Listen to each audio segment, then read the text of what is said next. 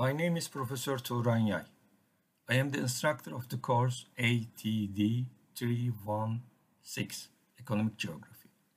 The course aims to provide a framework for students to understand and discuss contemporary economic geography issues in a global world economy.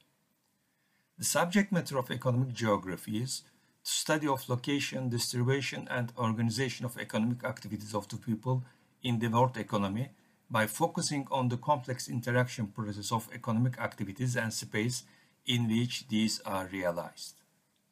As people carry out their economic activities at local, regional, and international levels, clustering, migration, and specialization are the most critical phenomena.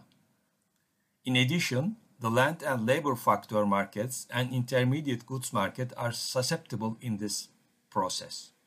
Some of the essential subjects we will discuss throughout the course are uneven development, importance of institution, culture, and competition in the development process, the changing forms of governance and states, knowledge-based economy, innovation, learning and cluster, commodity chains and global production network, and economic geography and environment.